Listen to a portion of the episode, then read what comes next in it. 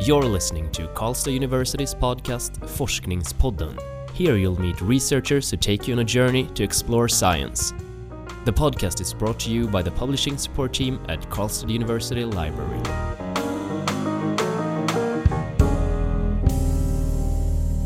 Hello and welcome. My name is Nadia, And I'm Magnus. and we're joined in the studio by Raghu Deshpande. Uh, welcome, Raghu. Thank you, Nadia. Thank you, Magnus. And hello, everyone. You and we will today dig deeper into the world of pulp and paper to find out how to make the best pulp from a tree. Um, your thesis that you have written recently has the title The Initial Phase of Sodium Sulfite Pulping of Softwood.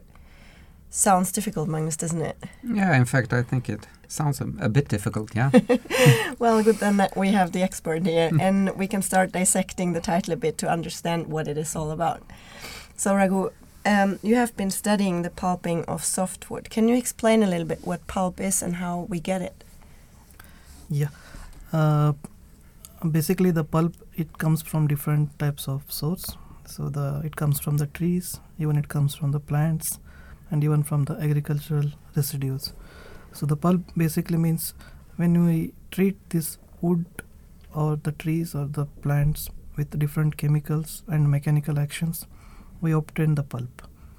So that is the basic definition of the pulp, getting it with chemical treatment or mechanical treatment. So they use different types of chemicals. So when you treat that chemical and the trees, you get the pulp. And the pulps are of different types. Sometimes it's called pure pulp, some some it is called as paper pulp, and sometimes it's called as even the corrugating board pulp, which is very dark in color. So these are the different types of pulps, basically, and uh, it can be obtained from the natural resource like the forest or even from the agricultural waste. And what are we doing with the pulp? What is it for? The pulp uh, it is having different types of application in today's world. So the basic is like you have different types of pulps. So the pure pulp, which is called as even the cellulose pulp, so it is the pure component called cellulose, which is present in the trees. So that is used for different high end applications like making textiles and pharmaceutical industries and even the food industries where you use all this ketchup the sausage casings and uh, even in the paint industries as a binder so Alright. and even the thickening agents so this is one type of pulp which is pure cellulose and uh, there is other types of pulp which is used for making papers papers of different types it may be writing printing wrapping papers even the color papers and even the specialty papers so that pulp is used for making um, specialty pulp specialty pulp based applications like even your currency notes Mm. and even your bible papers All right. and uh, even for some uh, high end applications like uh, the carbon papers. So all these are the specialty papers.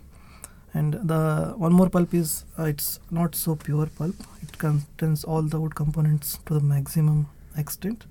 And it is used for packaging purpose. Okay. so there we don't need the color. The strength is sufficient. So there we use it for packaging. And even the color is brownish in color. Mhm. so what we see on the refrigerators packaging even the boxes corrugating boxes. So they are the mechanical type of pulps there is Alright. more mechanical Mhm. action which is used in that case Okay, that makes sense. This is why it's so important to study it because you can do a lot of different things from the pulp, right? Yes. Uh, in your thesis, you were studying um, the specific pulp called, from softwood. Can you explain a little bit more why you studied exactly this one? Uh, my project was basically focusing on the dissolving pulp, uh, which is also called as pure cellulose. So when we talk about the trees or the agricultural waste, we have different chemical composition pr- which is present in the trees. So I will explain with the tree because Mhm. I have used softwood in my project. So we have cellulose, lignin, hemicellulose, and extractives. So these are the component of any trees, which is basically present. And in my project, I am focusing on separating these wood components and getting the pure cellulose Okay. Because there is more demand for pure cellulose in today's world. Mhm. Uh, the reason is like the, the scarcity of cotton. Of cotton. cotton. Mm. So the Yeah. cotton uh, demand is bec- becoming more, and the production is less. So there is more demand for this dissolving pulp because even the application of dissolving pulp has increased. So it was like approximately 4.5 million tons in 2006 or 7, but now it has come up to 7.5 million tons in 2016. Hmm. So the demand is increasing. All right. Yeah. So this field of production, uh, especially the sp- pure cellulose, is increasing tremendously because of the customer requirement Hmm. and even the application. Mm. Because this is used in many different chemical fields, which is good for the society, and it is easily made from the trees which are available to us, and it's a renewable source which we can grow very fast. Okay. Um, so then we know why it's important to study it. That uh, very many different aspects. Aspects. Um, what did you do in your thesis to study it? How did you go about? it? Uh, in my project, I have I have been focusing on the softwoods and how we can produce the pure cellulose from these softwoods. Uh, because in Sweden we have a maximum of spruce and pine. I have used these two raw materials. Mm. So the pine, it's a type of raw material which is uh, cheaper than the spruce, and uh, we can produce even the pure cellulose from that. Mm. But when we talk about the chemical aspects which is used for producing this type of pulp, so there is acidic pH and the alkaline pH. So my focus is on the acidic pH because we are using the sulfite process. Because the benefit is you can produce more of the byproducts when we use the acidic conditions. Like uh, the byproduct is bioethanol, and even the bioresins, the lignin which is present in the wood can be recovered. And, you can use it for other things. yes, Yeah. Okay. and the main product is the pure cellulose. Mm. So apart from the main product, we get many byproducts, right. which is Mm. good for the society.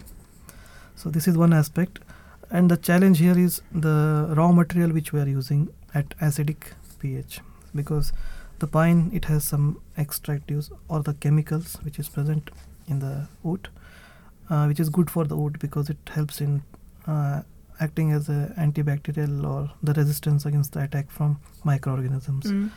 but when we use it for pulping the challenge is like that chemical has some uh, drawbacks as it reacts with the cooking chemical and the pulp will become black Oh. Okay. so Yeah. we need to control the control and simulate all the cooking conditions so that we get a proper and good quality cellulose pulp so in my project basically i am focusing on the sulfite process it is called as sulfite and it operates at acidic conditions Mm. And we are talking about this, and when I read the introduction of your thesis, I started to think of a master chef uh, who tries to find the sort of perfect recipe here, uh, the right temperature and the right ingredients um, to get the perfect mix and to get the perfect pulp. Uh, is that somewhat right? Is that what you do, trying to f- mm, the, find the perfect recipe for this? yes magnus you are right Mm. and it involves a lot of different aspects which we need to consider when we are carrying out these experiments or when we are producing the cellulose pulp because any variation or any different conditions may affect the pulp Mm. instead of getting a white pure cellulose pulp we may get a totally black pulp which is not at all good Mm. Mm. and not economical and it's not good for the any application so And what's the difficulty here? What? Why is it uh, difficult to to get the, this mixture right? Is that is it that there are so many different components going into it and affecting the process? Or? Yes, because the some of the extractives because that is present in the pine, it's not good for the sulfite pulping at acidic conditions because they create some cross linkage or some side reactions. So that will uh, spoil or disturb the entire cooking process. So when we are focusing on pure cellulose, it may end up in a totally black cook, Mm. and you can't even produce the pure cellulose, and there will be no byproducts, which is not good for the Mm. uh, company and even for the uh, with respect to the raw material. Mm. So the challenge here is to use any t- uh, use this type of raw material and uh, produce the best out of it, and we need to simulate the conditions so that we get proper c- components in proper ratios and in good quality. So this project uh, was mainly focusing on the handling different softwoods, which is very important because they are easily available. So we need to use that and how best we can make the good quality cellulose pulp out of that. Would you say that you are one of the first investigating this particular branch, or has it been an, an, a long ongoing struggle to find this perfect recipe? Mm, there are uh, other processes which are uh, present in today's world, but uh, the focus is mainly on pure cellulose. And the advantage of the other byproducts, which we get using the sulfite pulping, is more compared mm. to other process. And uh, the research work on this field, especially at acidic conditions and producing dissolving pulp, it was long being uh, stopped, like 1960s, and after that there was very less research work mm. which was done on this. Mm. And uh, looking at the technical innovations and the sophisticated equipments which are available now, so oh, more okay. more best things can be done, Hmm. and more things can be obtained from the trees or the wood with that with that process and uh, the main other reasons is the application of this pulp which has different uh, ways of application like food pharmaceuticals and even the textiles and even the demand for textile is increasing so Right. the demand for this pure cellulose is increasing and uh, the other thing is the byproducts ethanol and other things Mm.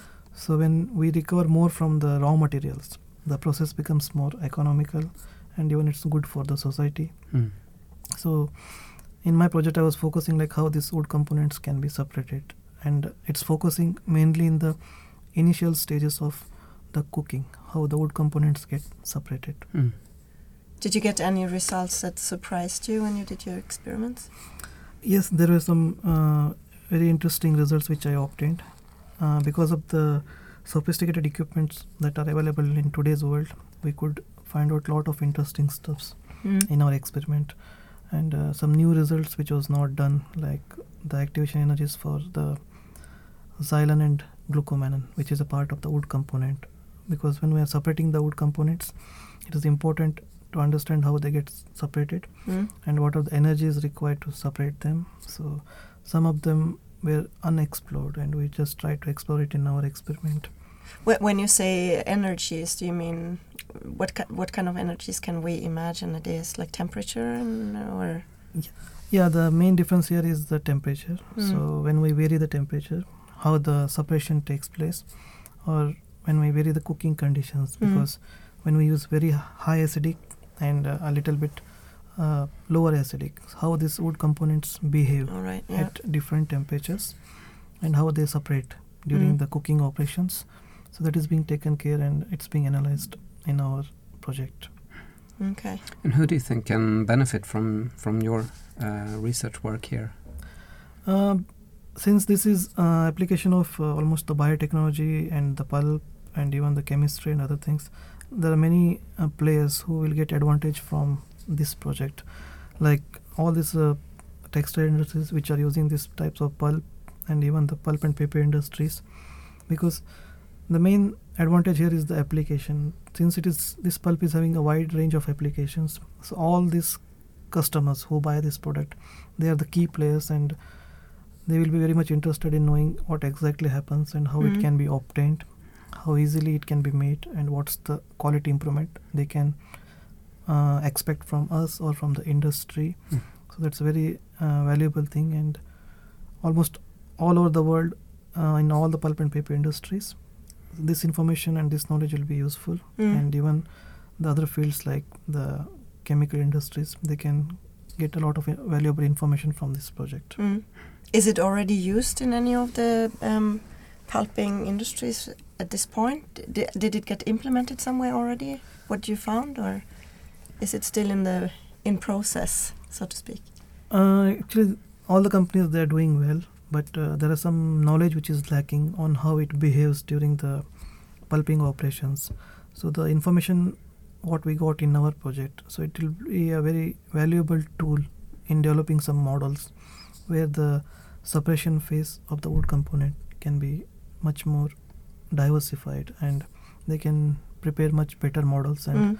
that will help them to simulate their process in much better way so the main thing here is even we're focusing on some different aspects like how these wood components are removed and what are the type of chemical behavior that happens. Hmm. So this is uh, a new study which is being taken up and uh, there is very less work done on this field. Mhm. So it will add more advantage because when it is being operated in a pulp mill, they put chemicals and the chips and they start doing the things and uh, the information or the knowledge in this is even though it there's a lot of knowledge but some information is lacking so which we try to explore and uh, we have come up with some very good results Okay, great. so that will definitely benefit not only the dissolving pulp industries but even the other industries who are using this type of uh, pulping operations. cool. Mm. So this is your sort of plan for the future to to continue with this project, or Uh, when we started our project, there were a lot of things which are going on. so then, after discussion with the industry, the R&D, and even the institute, we came up with a lot of ideas, and uh, we were able to implement the best ideas in these projects.